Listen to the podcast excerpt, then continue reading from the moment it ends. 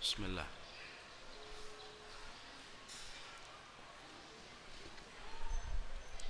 Assalamualaikum warahmatullahi wabarakatuh. Innal hamdalillah wassalatu wassalamu ala Rasulillah wa ala alihi wa sahbihi wa man tabi'ahum bi ihsan ila yaumil qiyamah. Kaum muslimin dan kaum muslimat, ikhwan ikhwati yang semoga Allah rahmati dan Allah berkahi. Alhamdulillah kita tentunya senantiasa bersyukur kepada Allah atas segala nikmat yang Allah telah berikan dan segala anugerah yang Allah berikan kepada kita. Sehingga pada kesempatan pagi kali ini Allah mengumpulkan kita pada salah satu majelis yang sangat Allah cintai dan salah satu majelis yang Allah ridhoi. Tidak lain dan tidak bukan adalah majelis ilmu. Tentunya kita faham bahwasanya ilmu merupakan obat dari segala macam fitnah.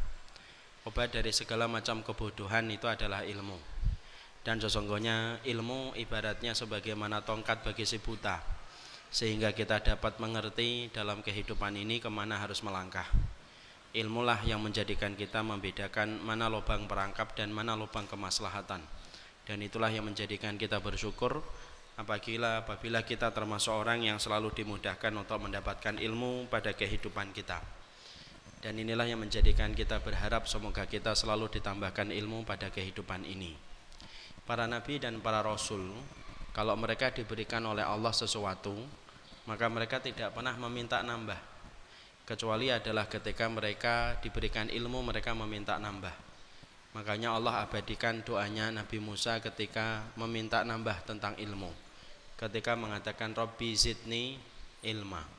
Ya Allah tambahkanlah kepadaku ilmu saking besarnya kebutuhan kita kepada ilmu sampai Nabi Musa pun sudah diberikan wahyu itu pun masih meminta ditambahkan ilmu sampai kemudian dipertemukan dengan Nabi Khidir dan itulah yang menjadikan kita faham manusia akan berada pada pusaran kebaikan ketika setiap waktunya dia mencintai ilmu. Semoga Allah selalu membimbing kita supaya kita mencintai ilmu dan semoga Allah senantiasa menambahkan kepada kita ilmu, ilmu yang menumbuhkan sifat kasih sayang kepada mereka yang beriman, ilmu yang menjadikan kita bersaudara kepada mereka yang bertakwa, bukan ilmu yang merusak persaudaraan, bukan ilmu yang menjadikan kita menghujat, bukan pola ilmu yang menjadikan kita menikmati permusuhan kepada mereka yang beriman. Kepada Allah kita bersyukur dan kepada Allah kita mengharapkan pertolongan. Semoga Allah memberikan kepada kita petunjuknya dan supaya kita tidak tersesat sebagaimana tersesatnya Yahudi ketika mendapatkan ilmu tetapi tidak beramal dan supaya kita tidak tersesat sebagaimana Nasara yang tidak mendapatkan ilmu tetapi semangat beramal.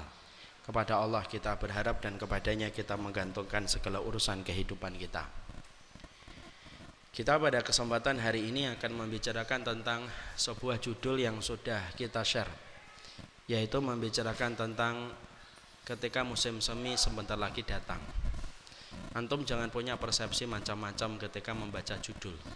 Jangan diinterpretasi musim semi itu dengan musim kawin dan musim menikah.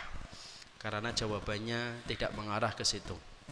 Jawaban itu bukan mengarah pula kepada musim panennya kita. Kalau kemudian ada yang sedang bercocok tanam dengan padi ataupun tanaman yang lainnya. Karena tema itu juga bukan pula mengarah ke situ.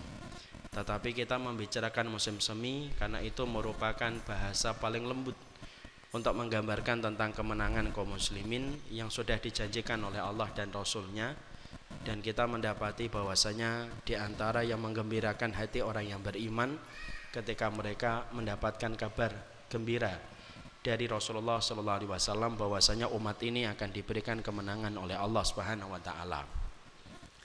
Makanya membicarakan tentang kemenangan, maka ini bukan satu mimpi dan bukan utopis, tapi ini merupakan satu harapan.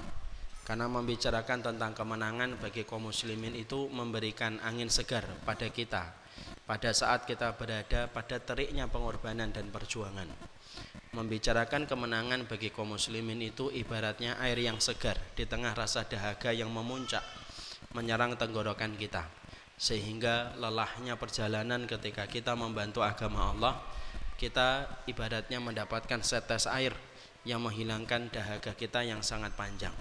Dan itulah yang menjadikan saya ingin sekali menyampaikan tentang masalah kemenangan yang telah dijanjikan oleh Allah dan Rasulnya dan segala kisi-kisi yang berkaitan tentang kemenangan supaya kita faham bahwasanya Islam itu bukan hanya masalah sholat Islam itu bukan hanyalah masalah puasa dan kita harus paham bahwasanya Islam itu bukan hanya masalah haji dan umrah tetapi Islam itu adalah bagaimana kita menegakkan agama Allah di atas muka bumi ini sebagaimana Rasulullah dan para sahabat menegakkan agama ini dan dimenangkan oleh Allah di atas orang musyrik, di atas orang Persia dan di atas orang Romawi sampai bumi ini menjadi miliknya Allah dan milik orang yang beriman. Dan inilah yang kita harus mengerti. Tentunya antum faham. Kalau sudah bicara tentang kemenangan, tolong dibedakan. Kemenangan Islam dengan kemenangan yang bukan datang dari Islam. Kalau antum melahirkan di dalam sejarah kehidupan manusia, kemenangan-kemenangan yang bukan untuk Allah dan Rasulnya itu bersifat hanya untuk keluarga sentris mereka dan kelompok sentris mereka. Antum dapatkan siapa pun yang dimenangkan oleh Allah di atas muka bumi ini, kalau mereka berada pada pihak kebatilan, maka keuntungan dan manfaat dari kemenangan itu tidak berlaku kepada setiap orang tetapi kemenangan itu hanya berlaku kepada kelompoknya dan kepada pendukung-pendukungnya saja. Antum dapatkan kemenangan itu orang Fir'aun atau kemenangan Fir'aun itu ya untuk Fir'aun saja dan kroni-kroninya. Kemenangan Namrud itu ya bagi Fir'aun, bagi Namrud dan keluarganya. Dan semua kemenangan-kemenangan yang ada pada pihak-pihak kebatilan maka tidak berpihak keuntungan dan manfaat dari kemenangan itu kecuali kepada kelompok mereka sendiri. Tetapi kalau kemenangan itu diraih oleh Islam, maka sesungguhnya kemenangan Islam itu rahmat bagi alam semesta. Makanya sesungguhnya kemenangan Islam itu adalah kemenangan bagi kebenaran, kemenangan bagi keadilan. Karena sesungguhnya siapa pun yang mereka telah memenangkan agama ini, yang dijalankan oleh orang yang beriman, agama ini tidak akan dimenangkan kecuali oleh orang yang beriman. Dan orang yang beriman adalah orang yang paling adil pada hidupnya.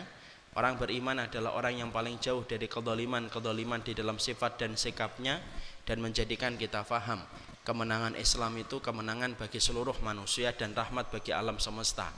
Karena semua hewan, semua makhluk itu akan bertasbih. Kalau kemudian agama ini dimenangkan di atas muka bumi ini dan apabila bumi ini diatur dengan aturan yang ditetapkan oleh Allah dan Rasulnya maka itu manfaatnya kembali kepada seluruh pihak dan seluruh komponen. Saya ambilkan contoh.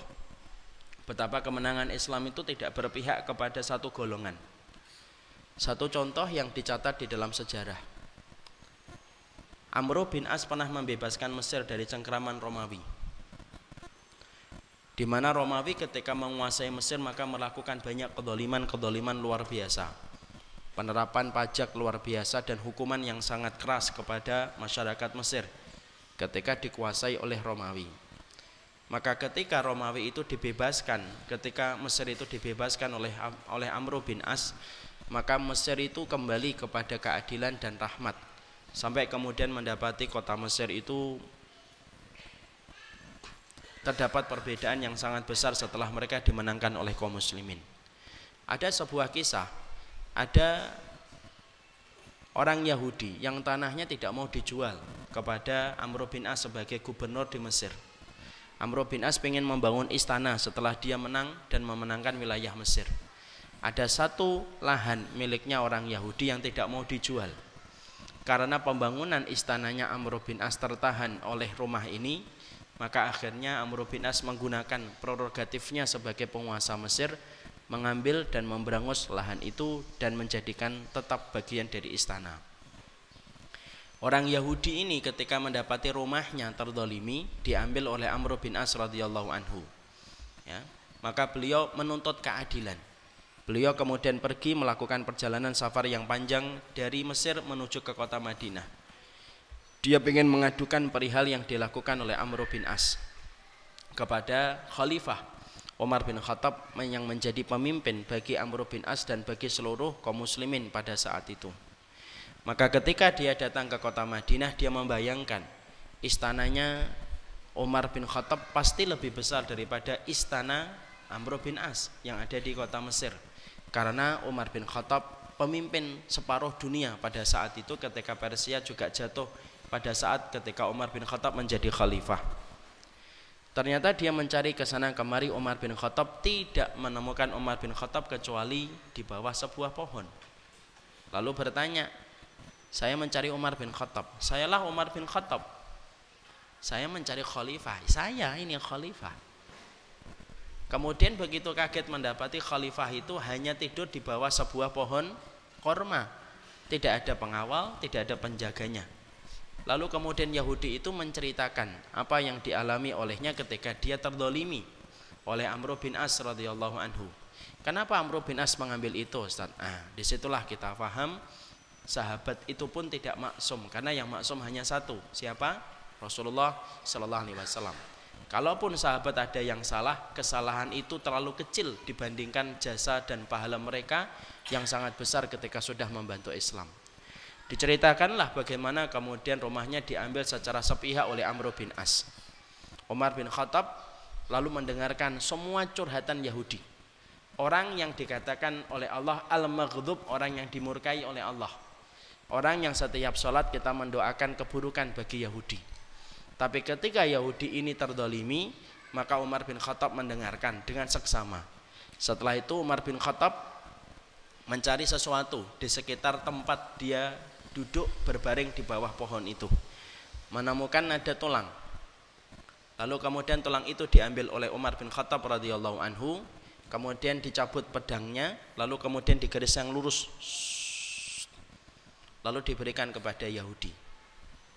Yahudi itu ketika menemukan tulang itu diberikan sama Umar bin Khattab, Yahudi itu bingung. Ini untuk siapa? Untuk Amr bin As. Dalam hati orang Yahudi itu, ya Allah, perjalanan dari Mesir ke Madinah cuma dapat tulang. Tapi kemudian dilihat ini, kemudian dia sampaikan, saya menyampaikan hajat, pertolongan, kamu hanya memberikan aku tulang. Maka Umar bin Khattab yakin dan berkata, berikan tulang itu dulu. Nanti kalau masalahmu belum selesai setelah kamu memberikan tulang ini kepada Amr bin As, maka pasti aku akan datang ke kota Mesir untuk menyelesaikan urusanmu. Maka Yahudi itu akhirnya diambil tulang itu, kemudian dia pulang. Sepanjang perjalanan dilihatin tulang itu, masya Allah. Apa yang didapatkan dari tulang? Tapi dia pulang sampai kemudian sampai ke kota Mesir, kemudian dia menemui Amr bin As yang menyerobot tanahnya, rumahnya dijadikan istana. Kemudian dia berkata, saya habis datang dari kota Madinah, bertemu dengan khalifahmu, bertemu dengan Amirul Mukminin, penguasa yang telah membawa Islam dan telah memenangkan banyak peperangan di banyak kawasan. Amr bin As kaget. Apa yang dikatakan oleh Umar bin Khattab khalifahku? Dia hanya memberikan kepadamu tulang. Amr bin As itu kemudian ketika melihat tulang itu gemeter Amr bin As itu. Jatuh tulangnya nangis dalam satu riwayat dan dia dengan segera berkata kepada Yahudi itu, "Ya sudah, aku kembalikan, aku bongkar lagi istanaku dan aku kembalikan tanah itu menjadi milikmu." Yahudi itu bingung. Diambil lagi tulangnya, ada apa dengan tulang ini? Sampai kamu mengembalikan kembali rumahku dan hakku kembali ketika Umar bin Khattab memberikan kepadamu tulang. Lalu dikatakan oleh Amr bin As, Umar bin Khattab ngasih aku tulang untuk memberikan kepadaku pelajaran bahwasanya saya dan kamu wahai Amr bin As kalau kita mati kita hanya menjadi tulang belulang. Tidak ada yang perlu dibanggakan dalam urusan dunia. Kalau sebentar lagi kita menjadi tulang. Lalu tulang ini digaris dengan pedangnya menunjukkan kepada saya kepemimpinan Umar bin Khattab luruskan ketika kamu menjadi pemimpin di Mesir. Kamu harus memberikan kewajibanmu dan memberikan hak kepada setiap orang yang kamu pimpin dengan benar. Kalau kamu tidak memimpin dengan benar sampai kamu mendolimi, hatta walaupun sampai kamu mendolimi orang Yahudi sekalipun, maka aku akan datang ke Mesir dan aku akan meluruskan kamu dengan pedangku sebagaimana aku meluruskan tulang ini dengan pedangku dan setelah aku luruskan kamu dengan pedangku kamu akan menjadi tulang belulang. Masya Allah. Alhamdulillah yang melihatnya Amr bin As. Kalau antum yang dapat rusak eh, tulang patah-patahin dikiranya saya kucing kayak gitu kalau antum Maka kemudian akhirnya dikembalikan lagi dan Yahudi itu terpana dengan apa yang dilakukan oleh Umar bin Khattab dan Amr bin As. Akhirnya dengan tulang itu masuk Islam. Dan akhirnya dia berkata kepada Amr bin As, "Sudah aku berikan tanahku, rumahku untuk kaum muslimin, silakan bangun istana di tempat ini." Apa yang kita ambil? Jangan pernah mengatakan kemenangan Islam itu mendolimi orang dan jangan kami diajarin tentang toleransi. Ngajarin toleransi kepada Islam itu sama dengan ngajarin ikan berenang. Sama dengan ngajarin orang Padang membuat rendang. Sama ngajarin orang Jawa membuat bakwan. Karena sesungguhnya masalah toleransi adalah masalah yang sudah selesai dibahas oleh agama ini dan sesungguhnya kami diatur dengan aturan yang ketat supaya kita tidak mendolimi. Hewan pun tidak boleh didolimi, apalagi kemudian manusia. Jadi yang ingin saya sampaikan adalah kalau sudah bicara tentang kemenangan, ketika kita menghadapi ini dengan musim semi, kemenangan Islam itu tidak berpihak kepada kelompok dan tidak berpihak kepada golongan. Tetapi sesungguhnya kemenangan bagi Islam itu kemenangan yang keselamatannya, manfaatnya, kebaikannya seluruhnya terpusat kepada keadilan dan kepada rahmat bagi alam semesta. Dan inilah yang harusnya kita mengerti dan inilah banyak orang yang tidak faham ketika mereka mengambil narasi yang disampaikan sama orang yang membenci Islam seakan-akan kalau nanti yang menang Islam itu adalah yang menang itu adalah kelompok dan pasti terjadi pertumpahan darah kalau yang menang Islam padahal tidak ada satupun sejarah yang membuktikan bahwasanya Islam kalau menang menumpahkan darah dan inilah yang menjadikan akhirnya kita paham sesungguhnya membicarakan kemenangan adalah satu persoalan yang bisa menjadi air yang menyegarkan di tengah dahaga dan haus yang berkepanjangan. Setelah kita kemudian memahami ini, maka ada lima poin yang akan kita bahas untuk menuju kepada pembahasan-pembahasan yang kita fahami. Yang pertama, mana dalilnya bahwasanya Islam itu akan dimenangkan oleh Allah? Dan ini menjadi sebuah ketetapan yang harus kita fahami. Karena keyakinan itu berlandaskan kepada hujah dan kemenang dan sesungguhnya keyakinan itu berlandaskan kepada dalil Mana dalilnya bahwasanya masalah Islam itu akan menang? Hari ini kita mendapati keadaan itu sebaliknya. Umat muslim didolimi di mana-mana. Kita mendapati Palestina tidak pernah mampu kita bebaskan. Sampai kita mendapati kaum muslimin ketika harus sholat di bawah kokangan senjata orang Yahudi. Orang Suriah masih masih meregang nyawa dan meneteskan air mata dan darah. Ada 700 ribu nyawa yang melayang. Dan banyak daerah banyak negara yang kemudian mendapati perlakuan yang tidak manusiawi ketika mereka beriman. Terakhir Xinjiang, padahal Rohingya belum kita hapuskan air mata mereka sudah datang Xinjiang. Kalau tiba-tiba ada yang berkata, bentar lagi muslim itu akan menang. Banyak orang yang komentar sinis, ngimpi orang kayak gini nih. Orang kayak gini itu terjebak masa lalu, bahwasanya dulu Islam pernah menang, kemudian sekarang pengen menang lagi. Banyak yang orang berkomentar dengan komentar-komentar yang semacam itu kalau sudah bicara tentang kemenangan. Makanya komentar itu tidak bisa kita hentikan komentar itu kecuali kita harus menyampaikan dalilnya. Kita harus menyampaikan perkataan dari Allah dan Rasulnya untuk kemudian memberikan kepada kita keyakinan karena tidak ada yang paling benar ucapannya kecuali Allah. Fa inna asdaqal hadisi kitabullah wa khairul hadyi hadi Muhammad. Karena ucapan yang paling benar itu ucapannya Allah dan yang paling lurus petunjuknya itu adalah petunjuknya Nabi. Makanya kemudian kita harus paham mana dalilnya bahwasanya Islam itu akan dimenangkan oleh Allah dan kembalinya agama ini, kembalinya dunia ini kepada pangkuan Islam. Dan itu harus kita mengerti bagaimana hujah dan dalil yang Allah akan berikan untuk kita. Maka kemudian dikatakan di dalam banyak ayat. Salah satunya di dalam surat As-Saffat ayat yang ke-171 173 walaqad sabaqat kalimatuna li ibadinal mursalin. Innahum lahumul mangsurun wa inna jundana lahumul ghalibun. Allah menyampaikan pada surat As-Saffat 171 sampai 173 Sesungguhnya telah tetap janjinya kami kepada hamba yang beriman. Telah tetap kepada hamba kami yang menjadi rasul. Bahwasanya pasti mereka itu akan mendapatkan pertolongan dan sesungguhnya tentara kami itulah yang akan mendapatkan kemenangan. Ini satu ayat menggambarkan kepada kita bahwasanya wa inna jundana lahumul ghalibun. Sesungguhnya tentara kami, kata Allah, sesungguhnya mereka lah yang akan mendapatkan kemenangan. Kalaulah berita tentang kemenangan itu disampaikan oleh Allah dengan satu dalil saja, itu sudah cukup bagi kita. Tetapi ternyata bukan hanya satu dalil, banyak dalil yang diterangkan oleh Allah di dalam Al-Quran. Ketika menjelaskan dan memaparkan kepada kita bahwasanya kemenangan itu pasti datang. Makanya dalam ayat yang lainnya Allah menyampaikan wa kana haqqan alaina nasrul mu'minin Kewajiban bagi kami itu menolong orang yang beriman. Dan banyak ayat yang serupa yang menceritakan tentang itu bahwasanya ada sebuah harapan yang Allah tanamkan kepada kita. Bahwasanya di tiap penderitaan yang dirasakan oleh setiap kaum muslimin ada sebuah kemenangan yang pasti datang. Ada sebuah fajar yang akan datang menerangi kehidupan kaum muslimin setelah kita diliputi dengan kegelapan yang begitu panjang karena sesungguhnya malam ketika telah semakin malam, maka sesungguhnya fajar itu akan datang menyingsing untuk memberikan pencerahan bagi kehidupan umat. Dan itulah di antara fitrahnya.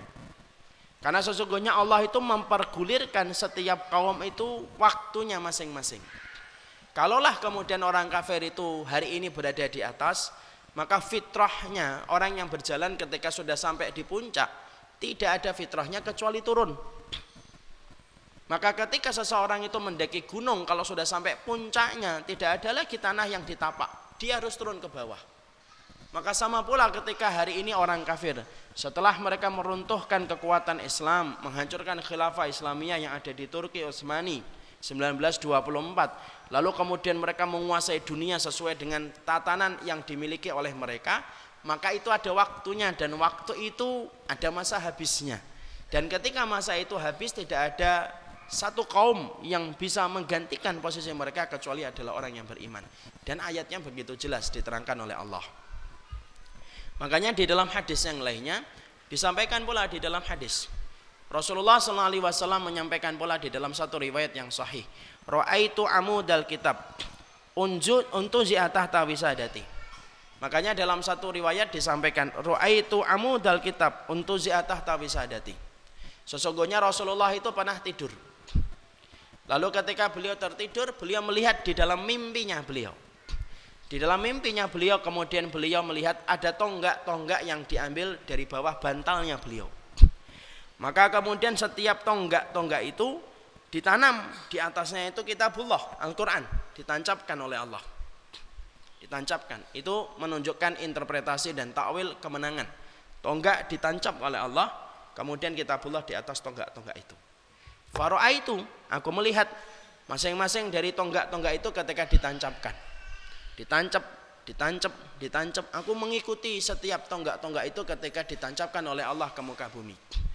Faro'a itu lalu kemudian aku melihat yang terakhir kalinya tonggak itu ditanamkan. Aku melihat itu ditanam di kota Syam Fattabatu basori, aku ngikutin ke mana Allah itu menegakkan tonggak-tonggak di atasnya kitabullah itu sampai aku mendapati tonggak yang paling terakhir itu ditancapkan di kota Syam. Lalu kemudian Rasulullah bangun dan berkata, berarti kota kemenangan di akhir zaman itu adalah kota Syam. Itu menunjukkan kepada kita bahwasanya itulah dalil yang sangat jelas bahwasanya kemenangan itu adalah sesuatu yang telah diberitakan oleh Nabi Muhammad SAW. Ini termasuk nubuah, ini termasuk mubasyirat yang disampaikan oleh Nabi. Bukan mimpi, bukan utopis, bukan sesuatu yang sifatnya terpenjara di masa lampau. Tetapi kalau seseorang mukmin itu ada seorang ustadz, ada orang salih, lalu menasehati putranya, menasehati putrinya ketika berjalan di atas agama Allah. Sabar kamu, ada waktunya nanti kita akan dimenangkan oleh Allah. Ada waktunya akan berkibar-kibar kalimat-kalimat Allah di atas muka bumi ini. Ada waktunya akan tegak segala macam syiar-syiar Allah di atas muka bumi ini, maka sesungguhnya itu berpijak kepada dalil yang sahih untuk kemudian membungkam siapa pun yang hari ini pesimistis ketika bicara tentang kemenangan Islam. Kalau sudah wahyu yang bicara, diam, akhi. Karena sesungguhnya setidak masuk akal apa pun kalau sudah wahyu yang bicara pasti masuk akal. Dan itulah yang kemudian kita dapatkan. Jadi kalau ada orang yang masih pesimistis tentang masalah kemenangan, cuma satu. Bisa jadi dia terkena gospel fikrinya orang-orang kafir. Atau dua, Bisa jadi karena kelemahan imannya ketika tidak mempercayai setiap berita-berita gembira yang disampaikan oleh Allah dan Rasulnya. Maka inilah yang menjadikan kita mengerti tidak akan ditegakkan hari kiamat. Tidak akan ditegakkan hari kiamat sampai kemudian ketika ditegakkan hari kiamat sampai kemudian Allah memenangkan terlebih dahulu kepada kaum muslimin dan betul-betul akan tegak semua hukum-hukum Allah di atas muka bumi ini kemungkaran akan menjadi terasing dan kebaikan itu akan menjadi terangkat dan dikenal oleh setiap manusia. Kita perhatikan saja di Indonesia. Arahnya sudah semakin jelas. Kalau kita perhatikan Indonesia hari ini tahun 2000-an dibandingkan tahun 80-an. Maka kita mendapati bahwasannya gerakan dakwah, orang yang berbondong-bondong ketika mereka datang ke tempat-tempat ilmu untuk membahas kebenaran, semakin banyak. Itikaf semakin ramai. Padahal kalau antum jujur ya, saya anak 90-an. Saya nggak tahu antum anak berapa. 91 Ustaz. Nah, 91, 92, 93. Kalau kita mendapati itikaf itu tahun 90-an itu sepi ya, Khi. Sepi. Orang pakai jilbab masih dihitung, apalagi tahun 80-an. Kita masih ingat ada seorang wanita di Solo, pertama kali ketika pakai jilbab dikeluarkan dari sekolahannya. Itu 80-an. 90-an sudah mulai kemudian merebak di mana-mana. Akhirnya hari ini kita mendapati setiap kemudian kita mendapati orang itu rame berada di tempat-tempat kebaikan, itikaf penuh, majelis ilmu penuh di mana-mana. Padahal kajian itu diselenggarakan di banyak tempat. Itu sudah menjadi fitrah. Ternyata faktanya itu mendukung apa yang dikabarkan oleh Allah. Walaupun kemudian kemenangan itu tidak bisa instan. Tidak ada kemenangan itu instan. Kemenangan itu proses yang panjang. Makanya kenapa Nabi Muhammad kemudian dimenangkan oleh Allah setelah melalui 23 tahun. Padahal kualitasnya kayak Nabi, kualitasnya kayak Abu Bakar, kualitasnya kayak Umar bin Khattab, kualitasnya kayak Tolhah, kayak Utsman, kayak Ali. Kualitas orang yang terhebat di dalam keimanan. Tetapi kenapa menangnya itu setelah 23 tahun baru dimenangkan oleh Allah? Supaya kita paham. Kalau Nabi ku aja 23 tahun baru menang, apalagi ente bukan Nabi. Apalagi antum gak kayak Abu Bakar. Apalagi antum nggak kayak Umar. Makanya segala itu harus kemudian dinikmati prosesnya. Makanya kenapa Allah itu menciptakan langit dan bumi itu enam hari. Padahal Allah itu mampu menciptakan langit dan bumi itu dalam waktu sekejap kun fayakun jadi. Tapi kenapa Allah itu menciptakan langit dan bumi itu enam hari? Salah satunya adalah kata Imam Ibnu Katsir supaya kita mengimani proses karena Allah itu mengajarkan kepada kita segala sesuatu ada prosesnya dan ada waktunya. Makanya kalau kemudian ada di antara kita yang kemudian mereka itu bergegas, terburu-buru di dalam kebaikan, di dalam kemenangan ini, maka sesungguhnya akan banyak sekali mandorat-mandorat yang kemudian akan didapatkan. Maka itulah yang menjadikan kita memahami musim semi itu kepastian dan keniscayaan yang tidak akan mampu diradem oleh apa pun. Tidak akan pernah mampu untuk dipatahkan oleh apa pun. Dan Allah sudah mengatakan yuriduna liyutfi'u nurallah. Mereka itu ingin memadamkan cahaya Allah. Wallahu mutimmu nurihi walau karihal kafirun. Allah yang menyempurnakan cahayanya. Mereka ingin madamkan, Allah menyampaikan Allah yang sempurnakan cahayanya. Itu kemenangan. Karena melawan Allah itu tidak pernah menang. Mana ada sejarah kehidupan manusia melawan Allah dan melawan orang yang beriman itu menang? Tidak ada yang menang. Karena sesungguhnya mereka akan terperosok kepada kehinaan. Itu cuma masalah waktu saja. Allah mempergulikan waktu supaya kemudian siapa yang bersabar untuk Allah ketahui. Ketika Allah mempergulikan waktu. Tapi siapa pun yang mereka melawan Allah itu tidak akan pernah menang. Dan itu janjinya Allah. Makanya Allah memberikan garansi di dalam surat As-Saffat tadi. Wa inna jundana lahumul ghalibun. Lu sesungguhnya tentara kami itu pasti menang. Yang ngomong Allah. Nah kalau ngomong Allah, kemudian apakah Allah kemudian bisa menyelisih apa yang disampaikan? Tidak bisa. Allah bisa menyelisih janji, tetapi Allah tidak pernah menyelisih janjinya. Dan itulah yang kemudian dikabarkan oleh Allah. Supaya kalau kita, ikhwan, kita ini kalau kemudian beragama, hari ini ketika membantu agama Allah, ada di antara antum yang membantu komunitas dakwah, ada di antara antum yang membantu kemudian masjid. Kalau antum tahu bahwasanya muara dari semua tahapan kita ini menuju kepada kemenangan Allah, memberikan kegembiraan, keletihan kita tidak terasa ketika kita tahu Allah itu menjanjikan sesuatu yang indah, yaitu adalah dimenangkan oleh Allah di atas muka bumi ini. Ya, supaya kita nggak putus asa supaya kita tidak merasa letih dan lelah. Kenapa? Sudah dijanjikan oleh Allah dengan kemenangan yang dijanjikan olehnya di dalam banyak ayat dan banyak hadis. Makanya Imam Mahdi nanti ketika memimpin akan memimpin dengan keadilan. Semuanya kemudian dengan keadilan. Dipimpin dunia ini dengan keadilan. Itu baru Imam Mahdi. Belum Nabi Isa yang akan menghancurkan setiap palang-palang yang dia temui. Kemudian dia akan menghancurkan setiap babi-babi yang ada. Dan itu semuanya diterangkan secara sahih oleh Rasulullah SAW di dalam hadis-hadis yang sahih. Tapi bukan berarti akhirnya anak dan antum mengikuti madhab Mahdi. Mengikuti madhab Mahdi itu apa? Nungguin aja. Ya sudahlah, biar nanti Imam Mahdi aja yang memenangkan. Kita sih bukan Imam Mahdi Ustadz. Udahlah santai aja beragama itu. Biarkan Imam Mahdi menyelesaikan semuanya. Tidak gitu. Walaupun kemudian Allah itu memberikan kepada kita berita bahwasanya Imam Mahdi akan diturunkan berasal dari keturunan Nabi dan akan dimenangkan oleh Allah, tetapi Allah melihat siapa orang yang bersabar di atas agamanya dan siapa yang tidak bersabar.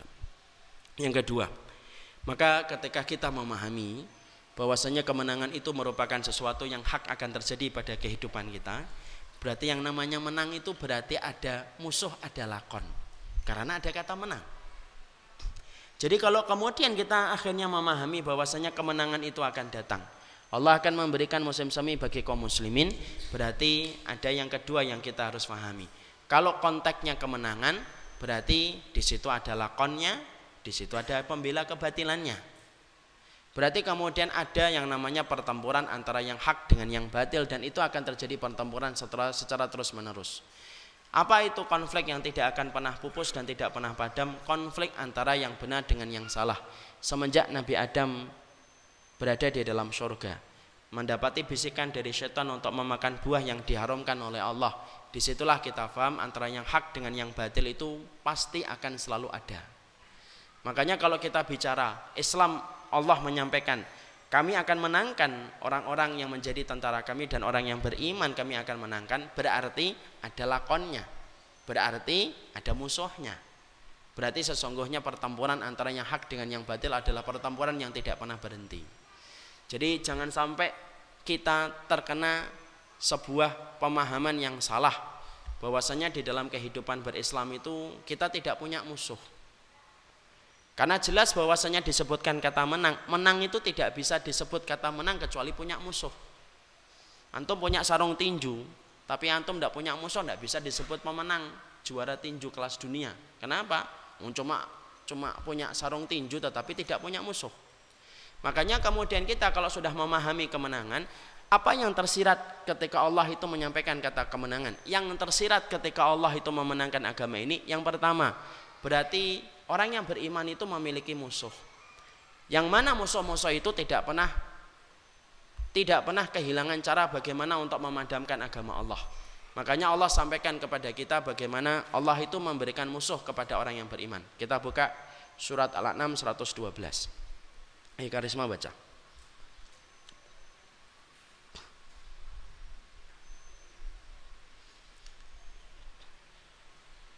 Seratus dua belas.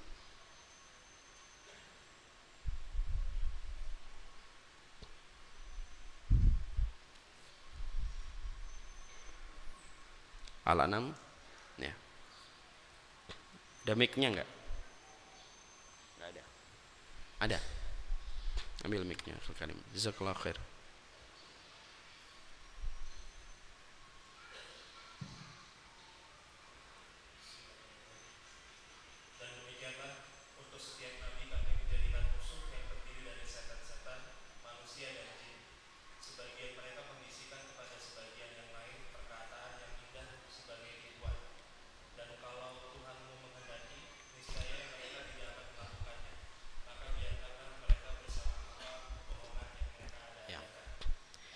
Allah lalu yang menyampaikan musuh. Allah yang mengabarkan, bukan saya, bukan manusia tapi Allah. Allah lah yang lalu menyampaikan kepada kita bahwasanya setiap orang yang beriman itu memiliki musuh. Karena sesuatu yang paling tersirat ketika disebutkan kata kemenangan berarti kemenangan itu memiliki memiliki keterangan berarti ada lakonnya ada musuhnya dan ada pertempurannya Allah yang mengabarkan kepada kita di dalam surat Al-An'am bahwasanya setiap orang yang beriman kalau dia mengikuti nabinya, mengikuti rasulnya, dia pasti punya musuh. Allah yang berkata, "Wa kadzalika ja'alna likulli nabiyyin aduwan syayatinal insi wal jinni yuhi ba'dhum li yuhi ba'dhum ila ba'din zuhrufal qawli gurura." Kami jadikan setiap para nabi dan orang yang mengikuti para nabi, maka mereka itu memiliki musuh. Musuh itu dari kalangan jin, dari kalangan jin, setan dari kalangan jin dan setan dari kalangan manusia yang membisikkan kata-kata yang indah untuk menyesatkan manusia dari jalan Allah yang lurus. Yang mengatakan aduan itu Allah. Maaf ya, jangan kaget dulu. Jangan kaget dulu. Karena yang mengatakan bahwasanya setiap dari kita itu ketika kita beriman dan mengikuti para nabi, para nabi itu pasti punya musuh, Pak. Nabi Ibrahim itu kurang apa baiknya? Paling lembut kepada bapaknya, tapi punya musuh Namrud. Musa punya musuh yaitu adalah Fir'aun. Hatta Rasulullah.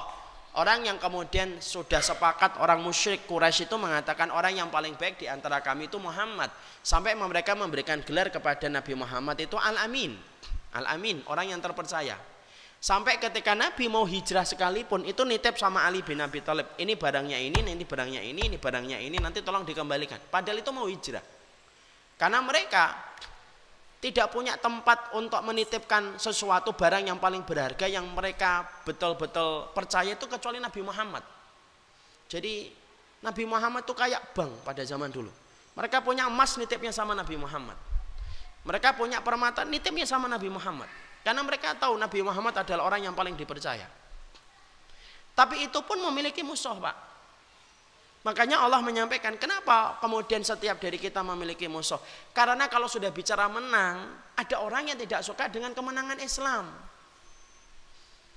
Setan itu tidak suka kemenangan Islam. Makanya ketika Nabi Adam berada di surga dan kemudian iblis itu keluar dari surga, dia tidak suka dengan apa yang didapatkan oleh Adam ketika berada di surga. Dia berusaha bagaimana Adam itu turun dari surga. Dan itu berlanjut Pak permusuhan itu dan yang menyampaikan Allah. Mungkin ada yang bertanya, kenapa Ustaz kita harus punya musuh Ustaz? Loh, hikmahnya punya musuh itu salah satunya apa? Untuk menambah kenikmatan ketika kita bersandar kepada Allah. Loh kalau kita tidak punya musuh, mungkin kita tidak akan bersandar sama Allah. Saya akan sampaikan analogi yang gampang.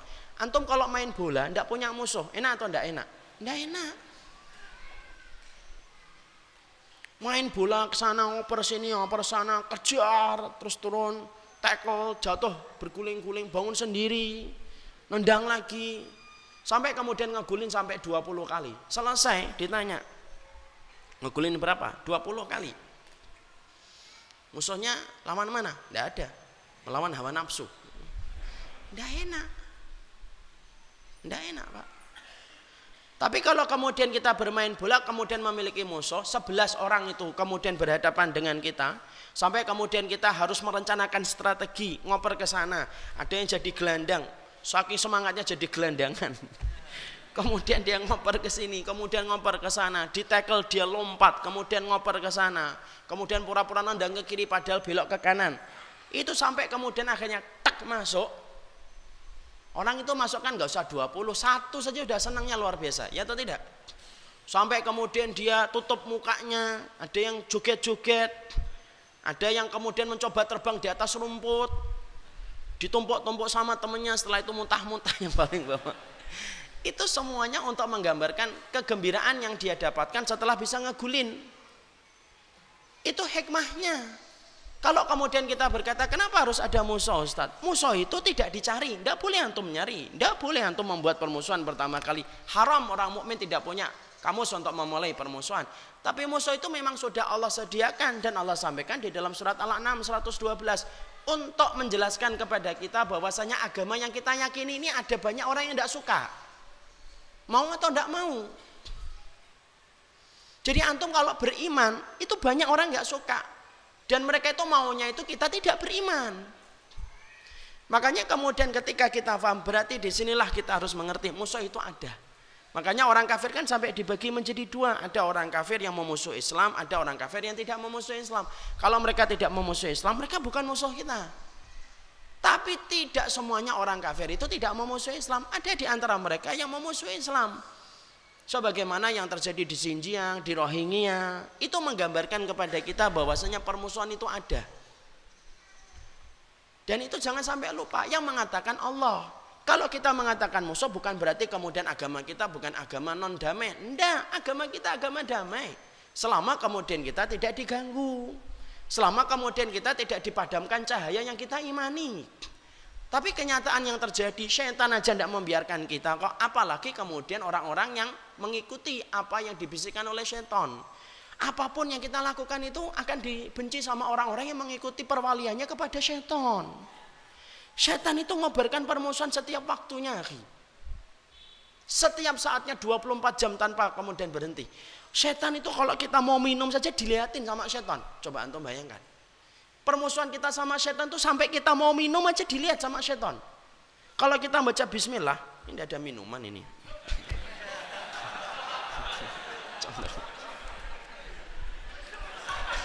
Saya kira es kelapa ini. Setan itu kalau akan mendapati kita mau minum, itu setan tuh ngeliatin kalau kemudian kita membaca bismillah, dia tidak jadi ikut minum. Kalau kita membaca bismillah, eh kalau kita membaca bismillah, dia tidak bisa minum. Kalau kemudian kita tidak membaca bismillah, setan langsung ikut serta untuk minum dari apa yang kita minum. Lu urusan minum aja setan ngambil manfaat. Antum tahu kalau kita mau pulang malam itu, pulang malam, setan itu ngeliatin kita di atap pintu rumah kita. Kalau kita ngetok pintu, Assalamualaikum, bukain pintu bismillah, masuk ke dalam. Antum makan bismillah. Syaitan langsung membuat pengumuman di luar rumah kita. Lama bita lakum wala asya. Tidak ada makan malam, tidak ada tempat tidur. Ngeper mereka di luar. Itu setan. Itu mereka kemudian di luar itu. Tapi kalau kemudian kita dalam kondisi ketika masuk ke rumah, kemudian kita baca bismillah, kemudian mau makan makan bismillah, mereka di luar itu kemudian eh, ketika kita tidak membaca bismillah masuk rumahnya, makanya tidak membaca bismillah, maka mereka membuat pengumuman di luar, mabit wa asya. Kalian punya tempat tidur dan kalian punya tempat makan. Itu setan dari kalangan jin. Apalagi setan dari kalangan manusia. Jadi kalau kita bicara musuh itu jangan buru-buru alergi. Loh, kok agama kita gini? Loh, Jangan buru-buru mengatakan oh berarti Islam itu nggak damai. Loh Islam itu damai kalau tidak diganggu. Karena sesungguhnya di sinilah kita harus paham. Orang itu banyak yang membenci keislaman dan keimanan. Antum jadi orang solih. Ada banyak orang yang nggak suka. Kenapa? Kalau antum solih, minuman khamr tidak ada yang beli. Wanita yang mereka jajal itu, yang mereka kemudian pasarkan itu tidak ada yang nyicipin. Kalau antum soli tempat-tempat yang mereka bangun itu tidak ada yang ikut ngantri untuk menikmati untuk, untuk menikmati tempat-tempat itu karena mereka pasti rugi orang yang berada di atas kebatilan. Makanya orang mukmin itu ketika soli nggak seneng baik itu setan dari kalangan jin dan setan dari kalangan manusia. Jadi jangan dianggap bahwasanya yang penting sholat. Lu antum sholat aja ada musuhnya kok. Siapa musuhnya kita kalau sholat itu? Khonzab. Siapa itu khonzab? Setan yang kemudian menggoda kita kalau sholat. Makanya hafalan antum kalau membaca Al-Kafirun tidak nemu-nemu akhirnya. Ya itu khonzab itu. Ini ketawa-ketawa malah khawatir saya ini. Jangan-jangan antum tidak hafal Al-Kafirun. Itu namanya khonzab. Lo kalau urusan sholat aja ada musuhnya dan Nabi sudah mengabarkan. Kamu kalau sholat kok bacaanmu berantakan itu ada setan yang gangguin kamu namanya khonzab. Lo urusan sholat ada musuhnya. Makanya kalau kemudian kita menghadapi musuh, lah kalau kita nggak diganggu, misalkan setan nggak gangguin kita, kita nggak akan menjadikan dia musuh. Dan yang mengatakan Allah apa? Fattakhiduhu adwa. Jadikanlah musuh itu setan, jadikanlah setan itu musuh. Dan setan itu kata sifat akhi. Setan itu bisa disematkan kepada jin dan bisa disematkan kepada manusia. Karena setan itu dari kata syatona. Syatona yashtunu ba'uda. Artinya jauh dari rahmatnya Allah. Makanya setan dari kalangan jin dan setan dari kalangan manusia. Itu setan. Makanya kalau kita nyebut setan kamu, ah itu benar. Walaupun tidak cocok kalau kita mengatakan semacam itu dengan gampang. Itu benar. Karena apa? Setan itu kata sifat. Itu menjelaskan kepada kita bahwasanya hakikat permusuhan itu ada. Jangan sampai kemudian kita alergi dan jangan sampai kemudian kita Masya Allah Kok yang lain teh saya air putih? Asru ada nggak? Maka itu yang kemudian kita harus mengerti. Makanya itulah yang menjadikan akhirnya kita paham. Jadi beragama itu kita harus membuka bagaimana agama ini harus kita mengerti dari agama Allah. Karena petunjuk-petunjuk yang diberikan oleh Allah itu jelas dan gamblang. Kenapa kita nggak ngerti ya Ustadz tentang ayat ini? Karena kedangkalan kita untuk mempelajari agama yang menjadikan kita akhirnya tidak paham tentang agama ini. Ketika agama ini sudah menjadi petunjuk paling jelas dalam kehidupan. Karena kalau sudah disebutkan kata menang, antum tanya sama setiap ustadz yang ngomong Islam pasti menang, pasti tanya. Ustadz kalau disebutkan kata menang itu berarti ada musuhnya, ada lakonnya. Dan itu fitrah kehidupan. Coba kalau antum melihat film, film itu selalu menampilkan dua sisi protagonis antagonis. Coba kalau ada film cuma protagonis tok. Tidak seru filmnya. Semuanya baik. Tidak ada yang melotot-melotot matanya. Gitu. Nggak ada yang sambil ketawa, awas kamu. Nah, nggak ada kayak gitu. Tidak seru. Makanya sampai film Hollywood sekalipun selalu ada menampilkan lakonnya musuhnya dan lakon selalu muncul terakhir kali dan menangnya terakhir kali itu menunjukkan fitrah kehidupan kita bahwasanya kehidupan kita itu tidak lepas dari pertempuran. Antum ketika membaca a'udzubillahi itu permusuhan akhi kepada syaitan. Dan syaitan itu kata sifat kepada manusia dan kepada jin. Jadi jangan alergi dulu. Wah saya baru kali ini dengar dalam seumur hidup saya mendengar kayak gini. Ini ayatnya ada. Wa kadzalika ja'alna likulli nabiyyin aduwan syayatinal insi wal jinni kami jadikan setiap para nabi dan orang yang ngikutin nabi itu musuh dari kalangan jin dan kalangan manusia. Makanya memastikan diri kita, lah kita ini di mana? Pelakonnya ngegitu nabi atau kemudian pelaku kemaksiatan. Karena nanti terpolarisasi cuma dua itu saja. Cuma dua itu. Antum nanti berada di atas kebenaran atau antum di atas kebatilan. Karena itu akan terjadi furqan. Satu saat itu akan terjadi furqan.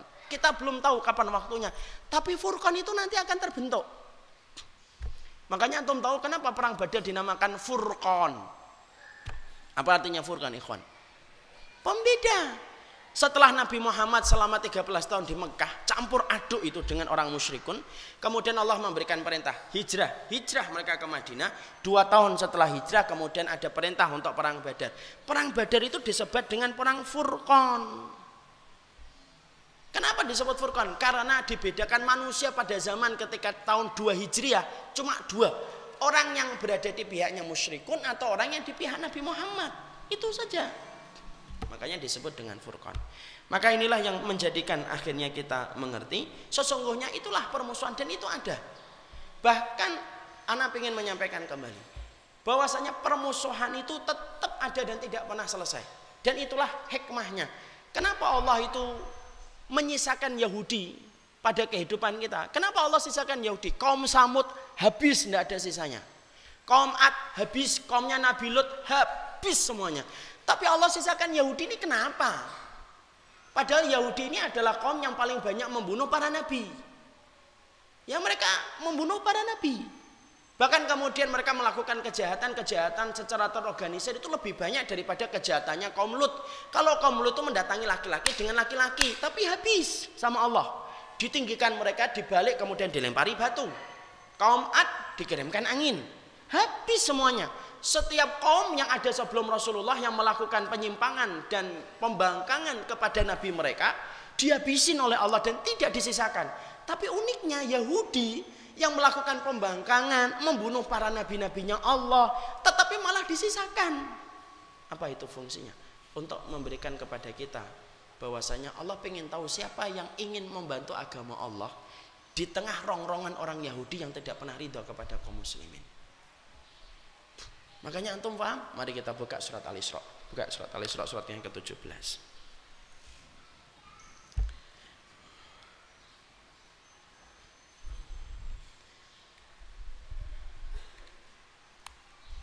Ya, dibaca. Ayat yang keempat sampai ayat yang ketujuh.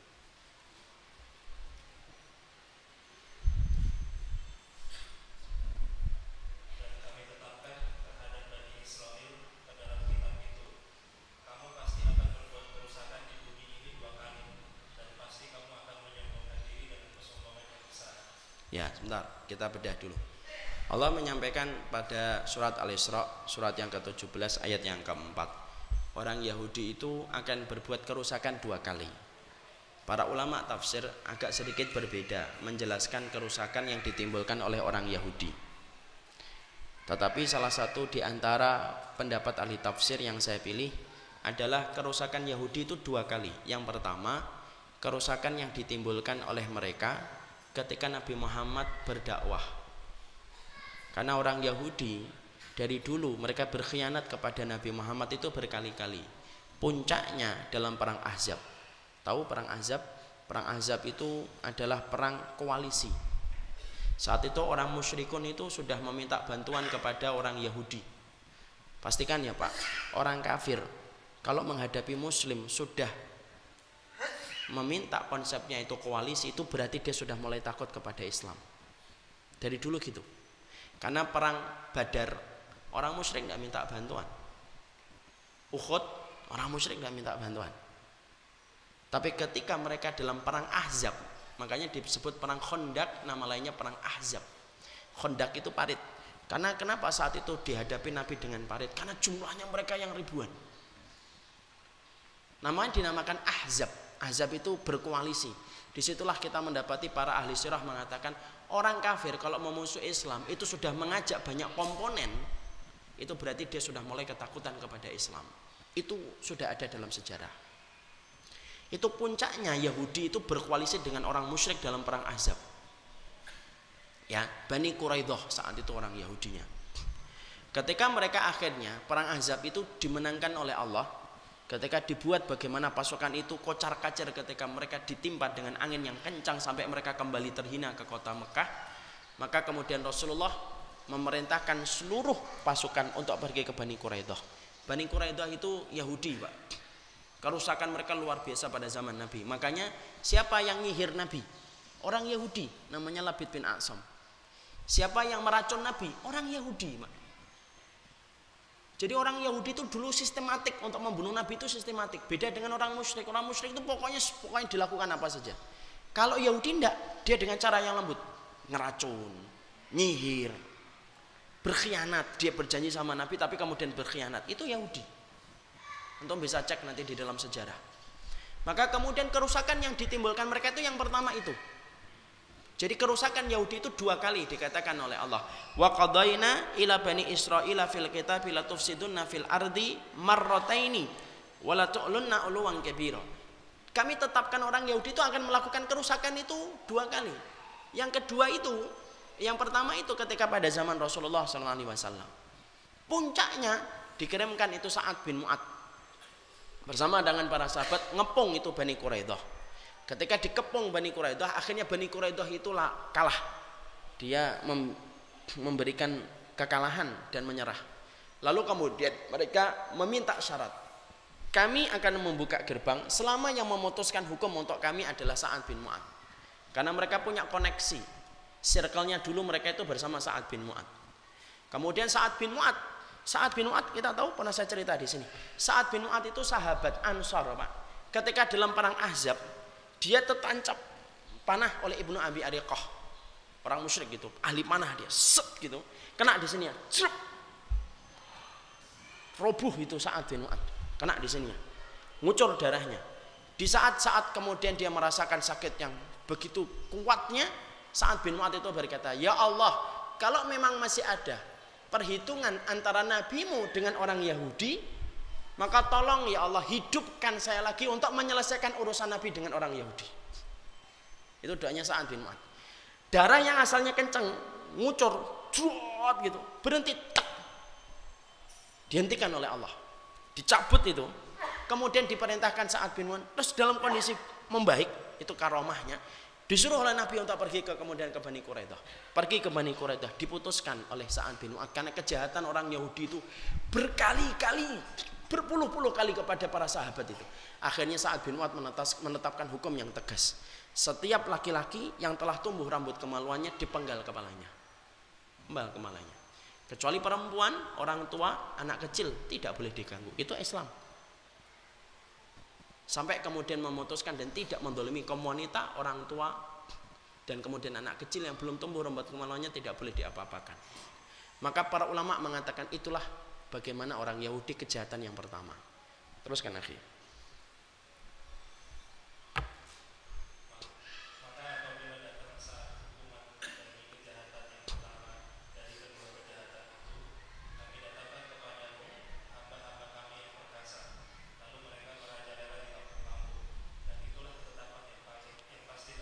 Ya, itulah hukuman atas kejahatan orang Yahudi yang pertama.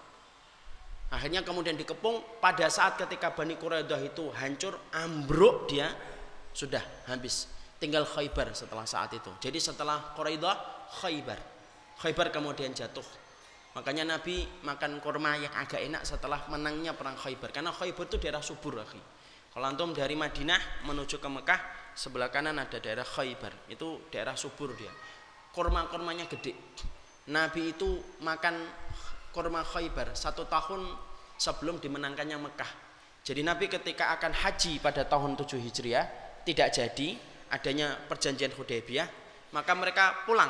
Para sahabat sempat sedih, maka Allah memberikan kabar gembira dimenangkan mereka dalam perang Khaybar.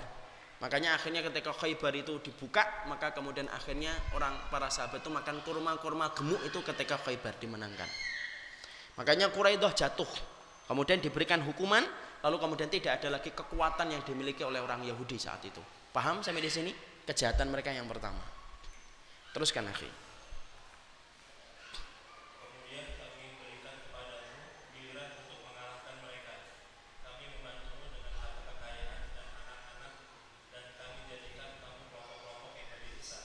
Summa radatna lakumul karrah alaihim wa amdatnakum bi amwali wa banin wa ja'alnakum aktsara nafira. Nah, ini di sini.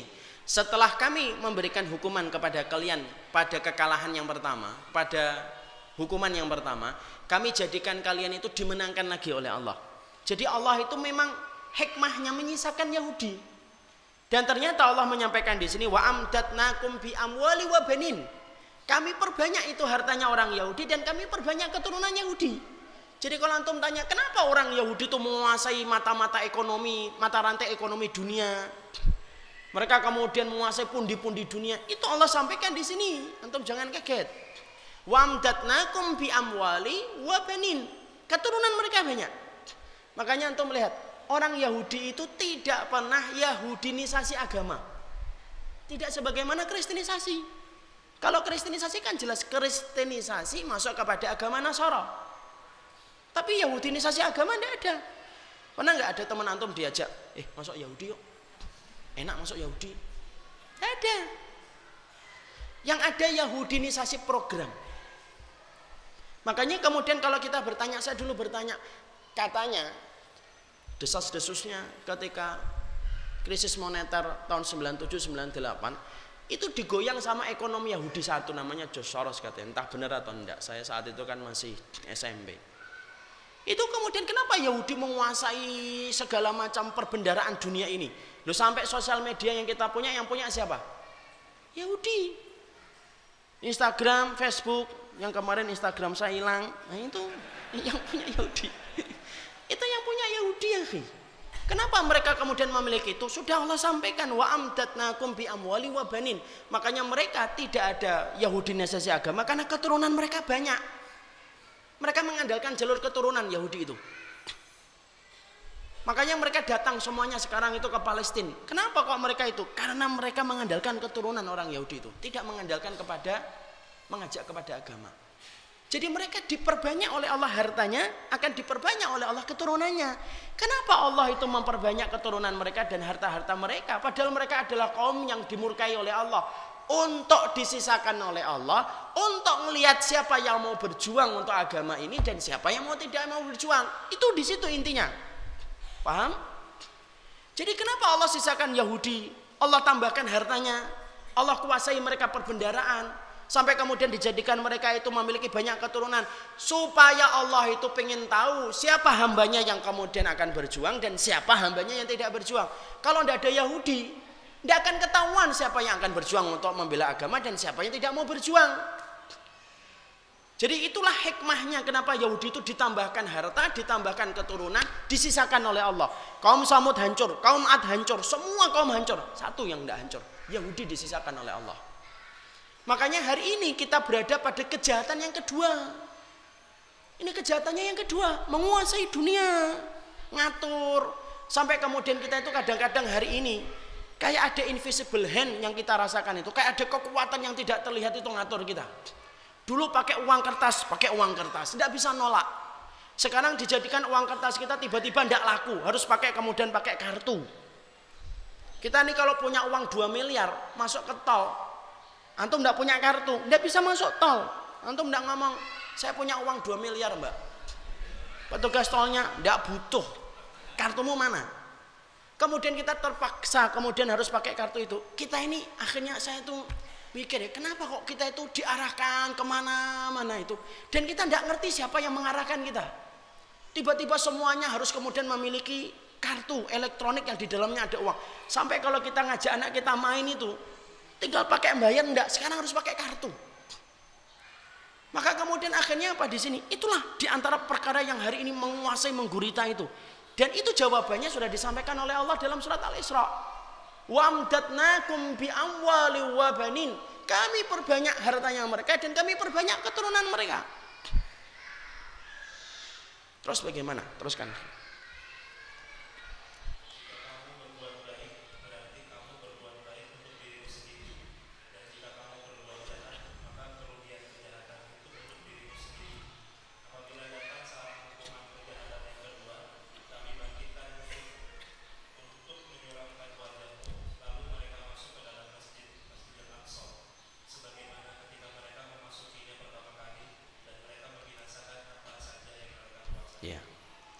Maka kemudian kejahatan yang kedua itu akan dihukum oleh Allah.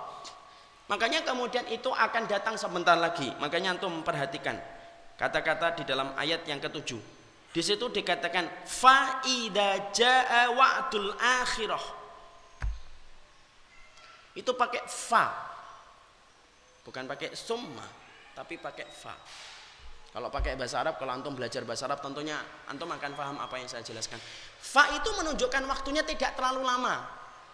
Jadi Allah itu ketika menjadikan orang Yahudi itu dikuatkan, ditinggikan, dijayakan dengan hartanya, dijayakan dengan kemudian keturunannya, itu tidak lama. Kenapa? Faida jaa akhirah. Kalau akan datang keputusan untuk menghukum mereka yang terakhir kalinya. Itu tidak lama karena pakai fa. Bahasa Arab itu sampai sedetail itu. Maka itu tidak lama. Makanya nanti akan datang satu zaman ketika orang Yahudi betul-betul mereka dalam kondisi dihukum atas kejahatan mereka yang kedua. Makanya kan sampai kita dapati dan kita baca dalam hadis, lo sampai nanti batu pun akan bercerita, hada Yahudiyun kata Rasulullah. Sampai kemudian kita dapati orang orang Yahudi itu bersembunyi di belakang di belakang batu, di belakang pohon, di belakang apa pun, maka kemudian itu akan berkata, ini loh Yahudi di belakang saya, kecuali satu yang tidak mau menyebutkan Yahudi. Apa itu? Pohon garkot. Dan itu sebentar lagi. Kenapa kok bisa Ustaz mengatakan sebentar lagi? Karena Allah mengatakan dengan kalimat fa, pemilihan kata Allah itu faida jaa.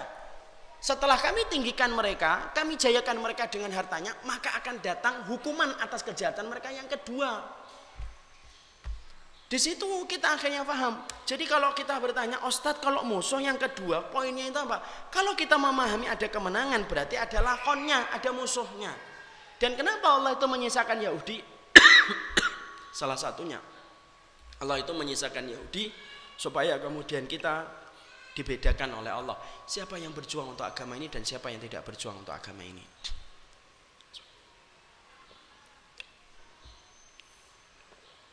Makanya ikhwan, dari sini akhirnya kita paham ya. Makanya di dalam beragama, jangan sampai visinya kita itu salah.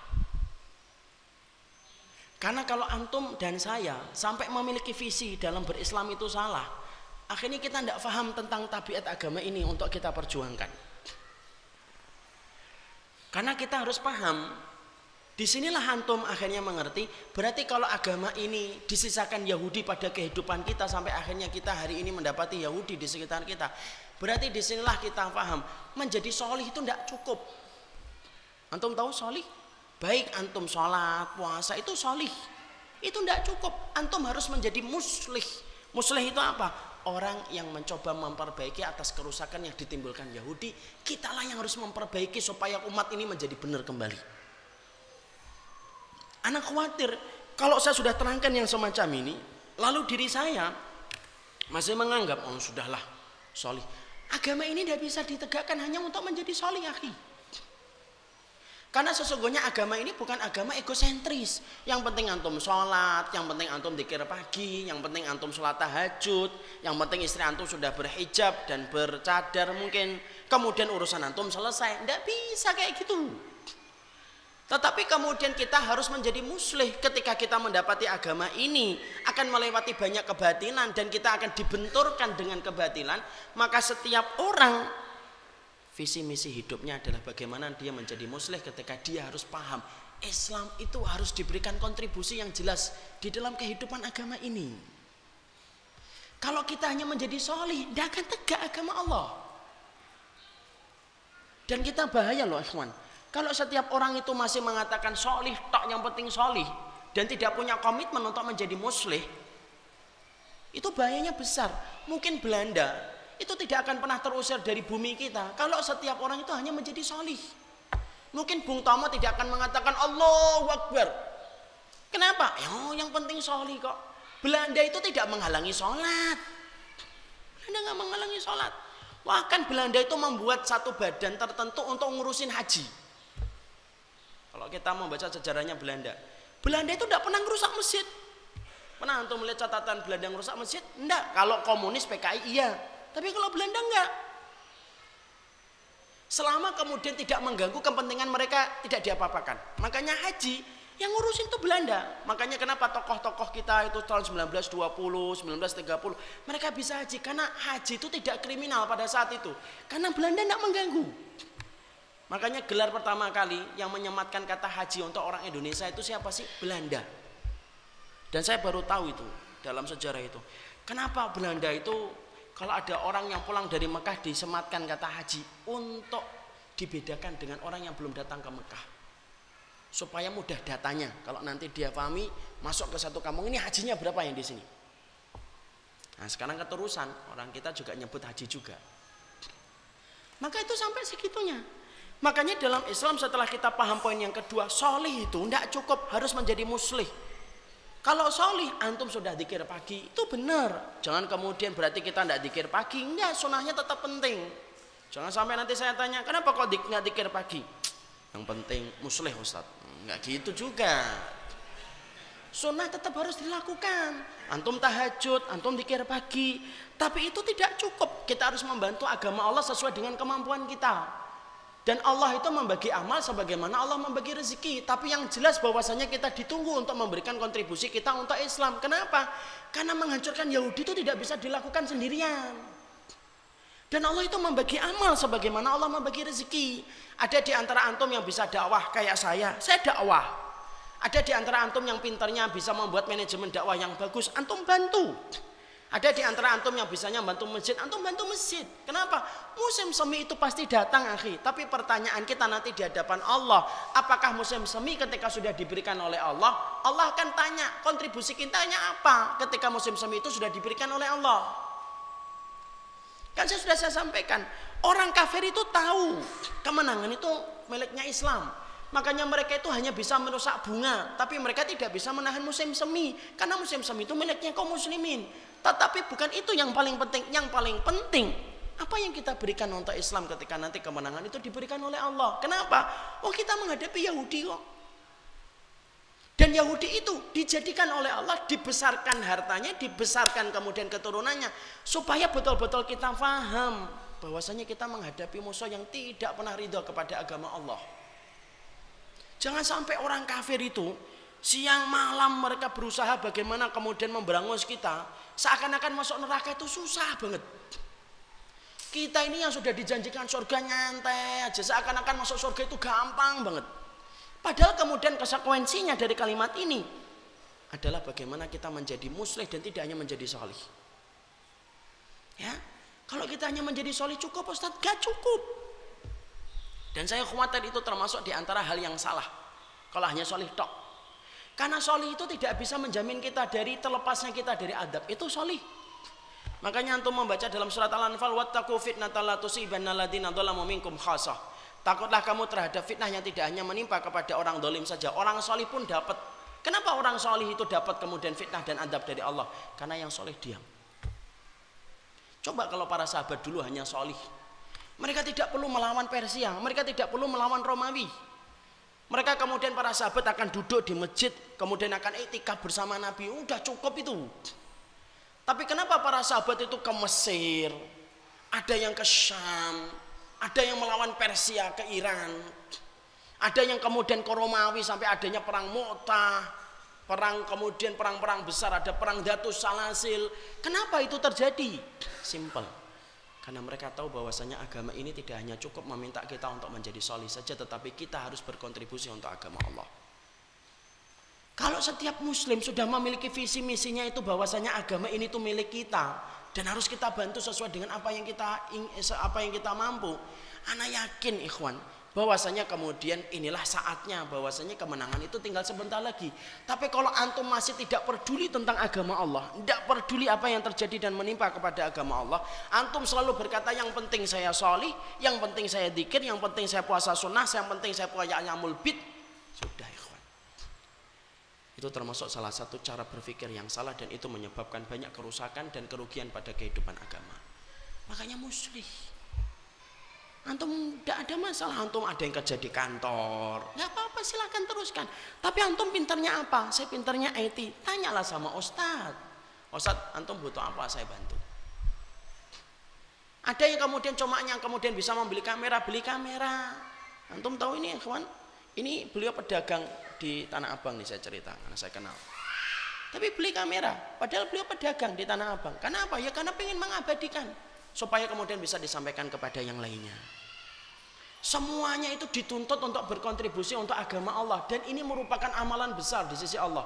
Allah sudah menyampaikan bahwasanya Yahudi itu musuh bagi kamu dan mereka tidak membiarkan kamu itu tenang dalam hidup keimanan kamu.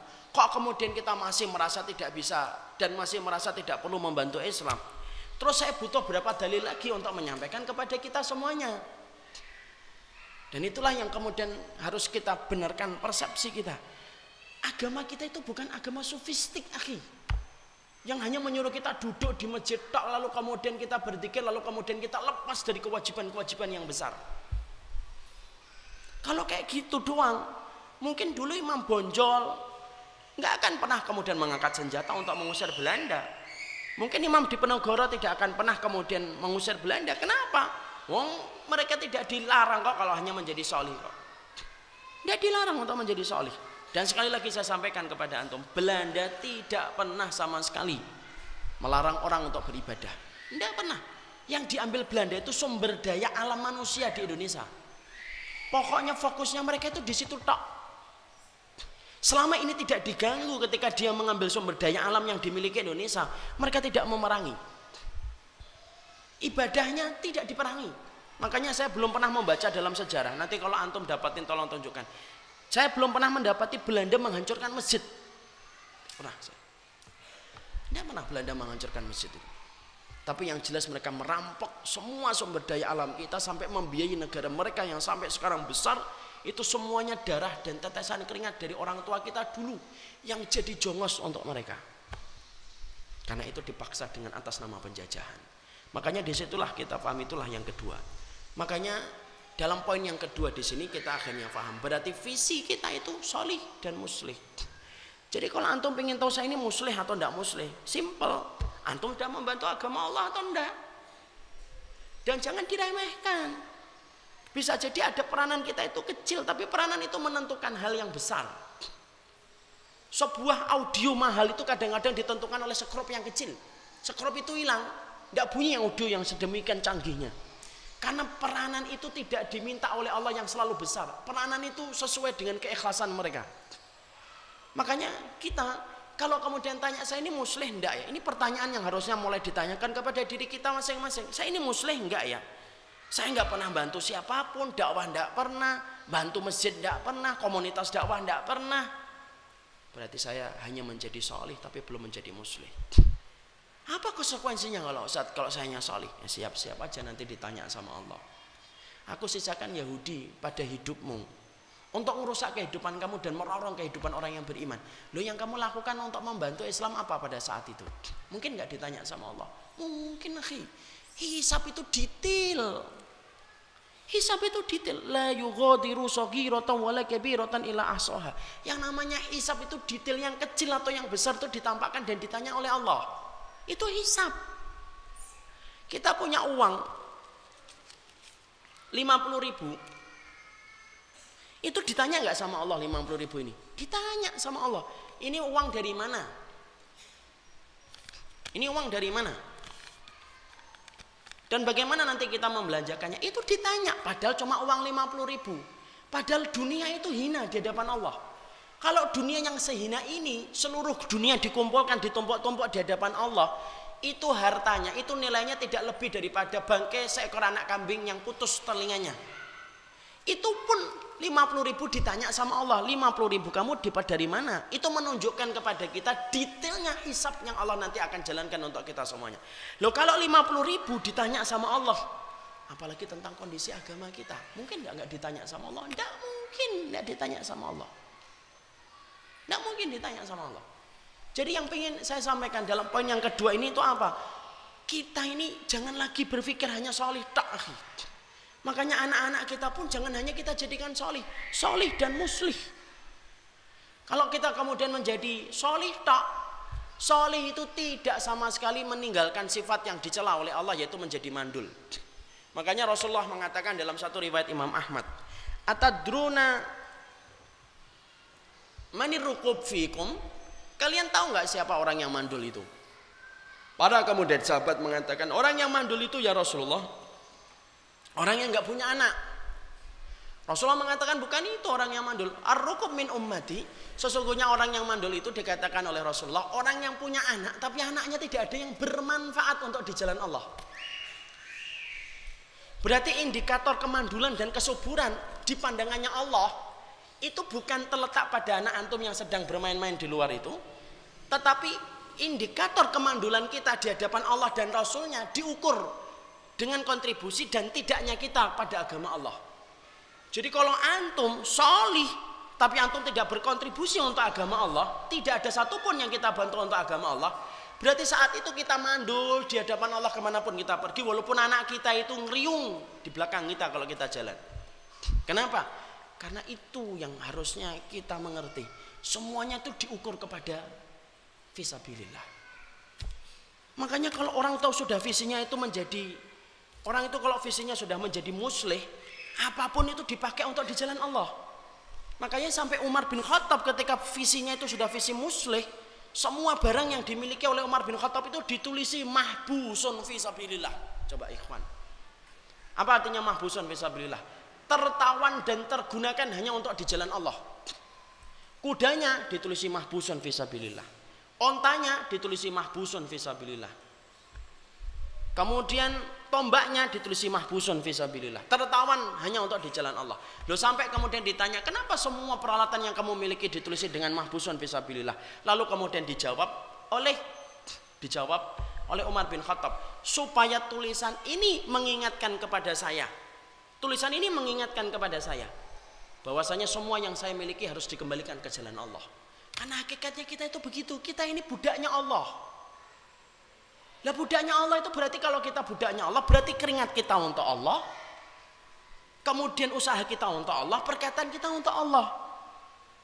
Jangan sampai kita bicara tentang kemenangan terus, tapi kemudian kita tidak bisa membedakan antara solid dengan muslim. Hah, gimana ini? Visi itu penting.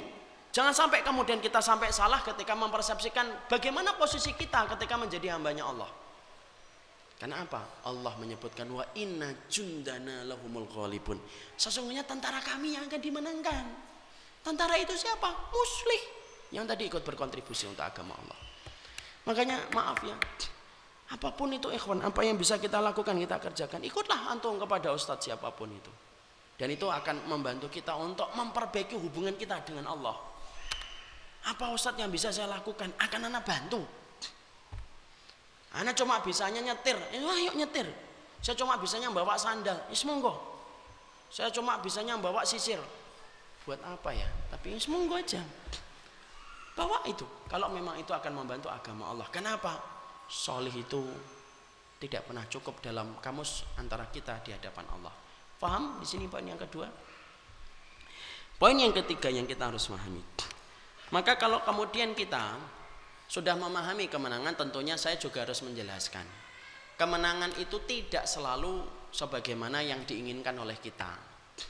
Yang diinginkan oleh kita itu kemenangan itu sebagaimana berkuasanya. Itulah kemenangan puncak. Sebagaimana Nabi ketika Nabi membuka Mekah, itulah kemenangan yang paling besar.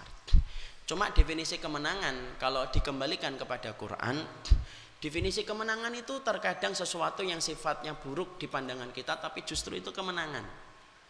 Saya menyampaikan kayak gini supaya antum saya berpikir, bukan berarti sekarang kita kalah.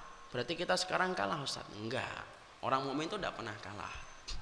Tetapi kita harus paham, ternyata Quran itu menyampaikan definisi kemenangan itu banyak. Walaupun Quran sepakat Kemenangan yang paling besar itu berkuasanya kembali orang yang beriman ketika mengatur dunia dan seisinya. Itulah kemenangan paling besar. Tapi bukan berarti kalau kita belum sampai kepada tahap itu berarti kita kalah, bukan. Tapi apa pun yang dilakukan oleh orang yang beriman itu menang. Karena tidak identik kemenangan itu sebagaimana penggambaran kita. Saya akan sampaikan kepada antum. Antum tahu nggak peristiwa Ashabul Ukhdud yang menjadi sebab turunnya surat Al-Buruj? Nyesel saya nanya. Pernah baca surat Al-Buruj? Pernah. Ya.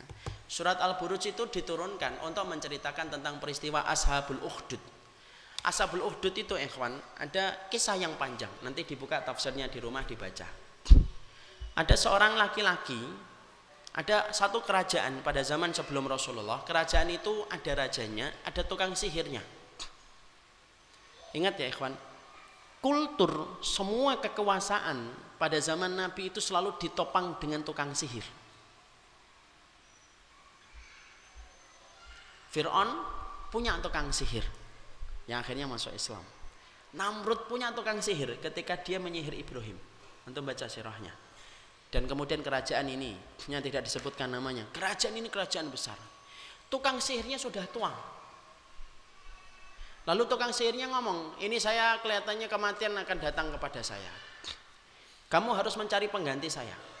Kemudian sang raja berkata, ya sudah, gimana caranya? Ayo kita membuat pengumuman seluruh warga kerajaan kita yang memiliki kualifikasi dan kriteria yang diinginkan oleh saya nanti akan jadi tukang sihir yang saya akan ajari. Akhirnya di antara ratusan orang yang ada terpilih satu anak muda namanya Gulam. Antum tahu namanya Gulam? Gulam itu anak muda. Kalau masih bayi namanya Sobiyun. Kalau kemudian belum balik namanya kemudian Tiflun. Kalau Gulam itu sudah mulai beranjak dewasa tapi tua belum, dewasa belum, beranjak dewasa itu ngulang. Terpilih dia. Akhirnya dia disepakati dengan tukang sihir itu. Tukang sihirnya berkata, kamu harus datang ke rumah saya. Tapi dia tidak bisa meninggalkan kampungnya. Akhirnya perjalanan dia setiap hari dari kampungnya pergi ke pusat kerajaan untuk diajari tukang sihir. Diajari berbagai macam sihir. Sampai pada perjalanan yang keberapa, tiba-tiba dalam perjalanan itu dia mendengar satu orang yang sedang membaca satu kalimat yang sangat indah di dalam gua. Masuklah dia ke dalam gua itu, ternyata itu adalah ahlu tauhid. Yang kemudian mengasingkan dirinya dan menyembunyikan dirinya di dalam gua. Di situ ketika bertemu, mereka ngobrol, diajari tentang tauhid, diajari tentang beribadah kepada Allah. Padahal kerajaan itu sepakat Tuhan bagi mereka itu adalah raja bagi mereka. Akhirnya dia mulai bingung, loh tukang sihir mengatakan Tuhan saya raja. Tapi orang ini mengatakan Allah lah sang raja diraja dan maharaja dari seluruh kerajaan manusia. Maka tetap dia akhirnya belajar dua bercabang. Sebelum belajar sihir, belajar tauhid dulu. Belajar tauhid dulu, lalu kemudian ke tukang sihir. Besok lagi tauhid dulu, tukang sihir dulu. Tum jangan-jangan dalil lo ya. Ada dalilnya Ustaz mencampurkan antara tauhid ini. Enggak, ini saat itu. Setelah lama, tiba-tiba Allah mengirimkan sebuah perkara untuk menguji dia. Ketika dia akan pergi, lalu tiba-tiba ke satu jalan yang sering dilewati, ada sebuah banteng besar yang menghalangi jalan. Lalu dia tidak bisa untuk melewati jalan itu. Sampai kemudian orang-orang kampung itu merasa kesulitan itu. Lalu kemudian dia berkata, saatnya saya membuktikan apakah tauhid itu yang benar ataukah sihirnya tukang raja. Akhirnya apa? Dibacakan mantra-mantra, tidak gerak sama sekali. Kemudian akhirnya sang raja itu, kemudian sang gulam itu berkata, saatnya saya sekarang membuktikan dari ahlu tauhid itu. Dikatakan, kamu kalau hambanya Allah, saya juga hambanya Allah. Jangan menyusitkan orang ketika akan melewati jalan ini. Lu bantengnya jalan lagi. Masya Allah. Kalau saya ngomong kok nggak gerak Ustaz? Nah, mungkin antum imannya kurang. Maka kemudian dia jalan. Akhirnya dia sepakat bahwasanya inilah yang benar. Akhirnya apa? Dia kemudian langsung memberanikan diri untuk menyampaikan kepada tukang sihir. Saya tidak mau lagi belajar mulai saat ini. Karena sesungguhnya rajamu itu bukan Tuhan. Rajamu cuma manusia. Lo membuat marah keputusan itu. Lalu ditangkap oleh sang raja. Kemarahannya memuncak sang raja. Akhirnya kemudian sang raja memberikan perintah. Bawa dia ke puncak gunung. Turunkan, jatuhkan dia dari puncak gunung. Dibawa ke puncak gunung. Allah getarkan gunung atau Allah getarkan gunung itu. Seluruh tentara sang raja jatuh ke jurang. Tetapi sang gulam masih selamat. Turun dari gunung itu. Ketika turun dari gunung itu, ke mana? Nemuin sang raja. Masya Allah. Tidak kabur itu kita. Nemuin sang raja. Lu sang raja sampai bingung. Lu kamu kok selamat? Iya, karena Allah lah yang melindungi saya. Masya Allah. Lalu kemudian sang raja marah kembali. Dia suruh untuk kemudian tentaranya untuk kemudian menangkap sang gulam ini. Lalu ditangkap sang gulam dibawa bawa ke tengah lautan saja. Tengah lautan digulung dengan ombak yang besar. Maka kemudian perahunya terbalik. Perahunya terbalik, ikhwan. Lalu kemudian yang disisakan apa? Sang gulam, seluruh tentara tenggelam. Sang gulam tidak tenggelam. Lu balik lagi sang raja. Lu masih hidup. Stres dia. Kemudian akhirnya sang raja berkata, dengan apa aku bisa membunuhmu? Perhatikan. Sang gulam berkata, kalau kamu pengen membunuhku, kumpulkan seluruh manusia di pusat alun-alun kota. Ini kisah nyata, ikhwan. Bukan kayak sinetron Dilan. Ini kisah nyata. Kumpulkan. Dikumpulkan. Lalu kemudian sang gulam itu berkata kalau kamu ingin membunuhku nanti arahkan panahmu dengan membaca bismi rabbi hadal gulam. Dengan menyebut nama robnya gulam ini. Dan kamu harus keraskan suaramu. Nanti kamu bisa membunuhku dengan izin Allah yang aku sembah Kemudian dikumpulkan seluruh masyarakat tidak boleh ada yang di rumah kecuali harus keluar menyaksikan. Walau nalon kemudian kerajaan penuh dengan manusia, ribuan orang menyaksikan. Lalu kemudian akhirnya sang raja itu melemparkan. Yang pertama tidak mau menyebutkan. Set gitu. Lu meleset. Meleset itu panahnya meleset. Kemudian sang gulang berkata, sebutlah nama Robku yang keras supaya orang mendengar apa yang kamu ucapkan. Lalu kemudian sang raja mengatakan karena sudah kesel dia, disebutkan bismi hadal gulam dengan rabnya gulam ini set nancap jeruk ke jantung. Meninggal sang gulam tapi apa antum tahu meninggal itu identik kalah akhi? Ya atau tidak? Mati identik kalah. Lakon kalau sudah mati kan selesai film. Tapi kemudian ternyata ketika nancep itu mati itu apa yang terjadi? Seluruh manusia yang ada di kerajaan itu langsung berkata amanna bi rabbi hadal gulam. Kami beriman kepada Rabbnya gulam ini seketika mereka masuk Islam Masya Allah. Seketika mereka beriman kepada Allah. Mereka tinggalkan keyakinan mereka ketika menyembah kepada sang raja. Setelah tahu sang raja menyebutkan Rabbnya, Rabbnya gulam.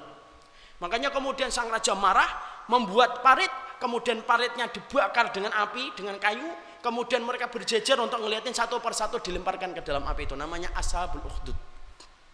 Dilempar mereka itu. Sampai ada bayi yang kemudian digendong seorang ibu. Ketika ibu sudah beriman dia mau turun itu ragu. Bukan karena untuk dirinya ragu sama anaknya. Sampai anaknya diberikan karomah oleh Allah. Jangan takut umi ceburlah kamu ke dalam api itu. Masya Allah hanya ngelihat satu peristiwa. Tidak perlu daurah. Tidak perlu kajian sampai dua jam di Meruya tidak usah peristiwa ngelihat Bismi kulam mantap imannya terjun dia ke situ dan sampai kemudian dikenang oleh Allah diturunkan surat yaitu Al-Buruj tadi di situ akhirnya kita tahu ya Al-Buruj tadi. Di situlah kita tahu kadang-kadang maaf, saya ingin menyampaikan poin yang ketiga. Poin yang ketiga yang saya sampaikan, kemenangan itu tidak selalu identik dengan berkuasa dan itu pasti akan diberikan oleh Allah. Tapi apa pun keadaan yang kita lakukan itu sebenarnya menang. Bisa jadi kita mati, tapi itulah kemenangan. Imam Ahmad pernah dicambuk, tapi itu menang Imam Ahmad. Makanya apa pun orang yang beriman, kalau orang beriman sudah memperbaiki visi misi hidupnya, semua yang dia lakukan itu adalah untuk Allah, maka pada dasarnya dia sudah menang. Walaupun saat ini kita tidak dan belum melihat kemenangan yang besar yang dijanjikan oleh Allah. Antum kalau sudah membantu agama Allah, walaupun cuma bawa sandal, pada zaman Nabi itu ada perempuan yang bisanya cuma nyapu di pinggir Masjid Nabawi. Dilakukan itu, dia nyapu di pinggir Masjid Nabawi itu. Kalau kita sudah membantu agama Allah, apa pun yang terjadi selama kita ikhlas membantu agama Allah pada saat itu kita menang. Walaupun tampaknya di mata manusia itu kalah, mati itu kalah. Tapi justru di situlah kemenangan dari sang gulam. Tahu peristiwa Imam Ahmad? Imam Ahmad itu mengatakan Quran itu kalamullah. Padahal pada saat itu sedang ditetapkan Quran itu bukan kalamullah, Quran itu makhluk. Apa bahayanya mengatakan Quran makhluk? Bahaya. Mengatakan Quran makhluk itu akibatnya antum bisa mengatakan Quran itu salah dan benar. Karena makhluk. Imam Ahmad tegar mengatakan Quran itu bukan makhluk. Quran itu kalamullah. Dia ditangkap, diseret dari rumahnya. Imam Ahmad.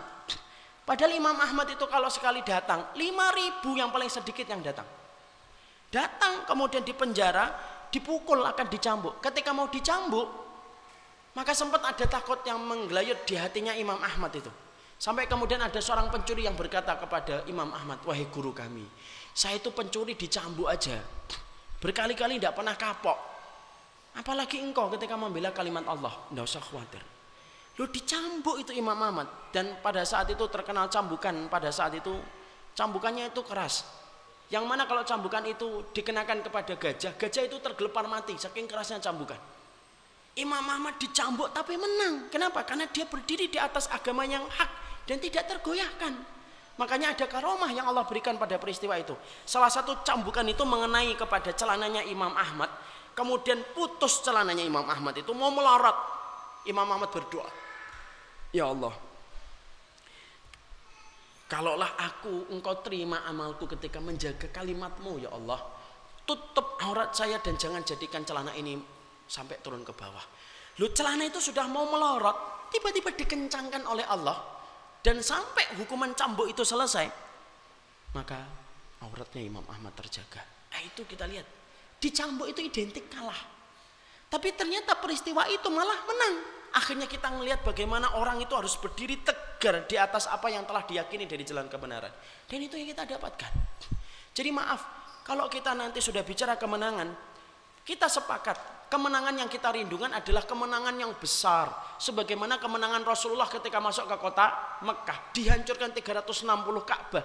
Hancur tidak ada lagi kesyirikan di kota Mekah. Itulah kemenangan yang kita cita-citakan sebagaimana Rasulullah tapi kalau kita belum nyampe sampai pada tahapan itu bukan berarti kita tidak menang tetapi sesungguhnya kalau kita memang beriman orang yang beriman yang telah memberikan kontribusi untuk Islam itu sebenarnya sudah menang maka itulah yang kita harus pahami kemenangan itu definisinya banyak Kemudian yang keempat yang kita harus pahami, saya singkatkan karena sudah mau habis. Yang keempat itu kenapa tertunda Ustadz? Kemenangan besar itu kenapa kok tertunda? Banyak sebab. Nah, saya nggak bisa sebutkan satu persatu karena sudah terbatas. Saya singkatkan karena salah satunya sebab tertundanya kemenangan itu adalah karena banyaknya kemaksiatan yang dilakukan. Banyaknya perkara-perkara kewajiban yang ditinggalkan. Makanya untuk memperhatikan dalam perang Uhud, kenapa perang Uhud tidak diberikan kemenangan? Kondisinya perang Uhud itu seimbang. Karena pada saat itu pasukan Rumat tidak mendengar kalimat Rasulullah. Jangan turun sebelum aku memberikan komando. Dan mereka turun duluan. Dijadikan oleh Allah terbalik keadaan. Pada zaman Umar bin Khattab itu pernah terjadi sebuah kisah luar biasa. Ada pasukannya Umar bin Khattab itu yang lama tidak menang-menang Lalu kemudian akhirnya Umar bin Khattab itu ngecek, ini kenapa pasukan saya nggak menang-menang ini? Dicek satu per satu, kenapa nggak menang-menang gitu. Sampai akhirnya kemudian diperhatikan satu, dua, tiga, empat, lima. Semuanya baik, solih kalau malam, tahajud, puasa sunnah. Tapi kok nggak menang-menang? Akhirnya ketemu jawabannya. Oh, ternyata pasukan ini tidak bersiwak. Padahal hukum siwak itu sunnah atau wajib? Sunnah atau wajib, akhi? Sunnah. Langsung diperintahkan pasukan itu Umar bin Khattab mengirimkan kurir sampaikan kepada pasukan itu suruh bersiwak. Setelah itu kemudian pasukan itu bersiwak menang, akhi. Masya Allah. Disebabkan apa? Siwak yang telah mereka lakukan. Mungkin orang kafirnya mikir, Ush, muslim. Ganas betul ya. Giginya aja diasah, apalagi pedangnya itu kabur mereka. Tapi yang jelas bahwasanya itu menunjukkan bahwasanya meninggalkan sesuatu dari kewajiban kita itulah yang menjadikan Allah itu menunda kemenangan. Jadi kalau kita nanya kenapa kok kemenangan besarnya nggak datang-datang Ustaz? Itu para ulama menjelaskan hikmahnya banyak. Kenapa Allah itu menjadikan kita itu tidak menang-menang? Karena Allah sayang sama kita, khi.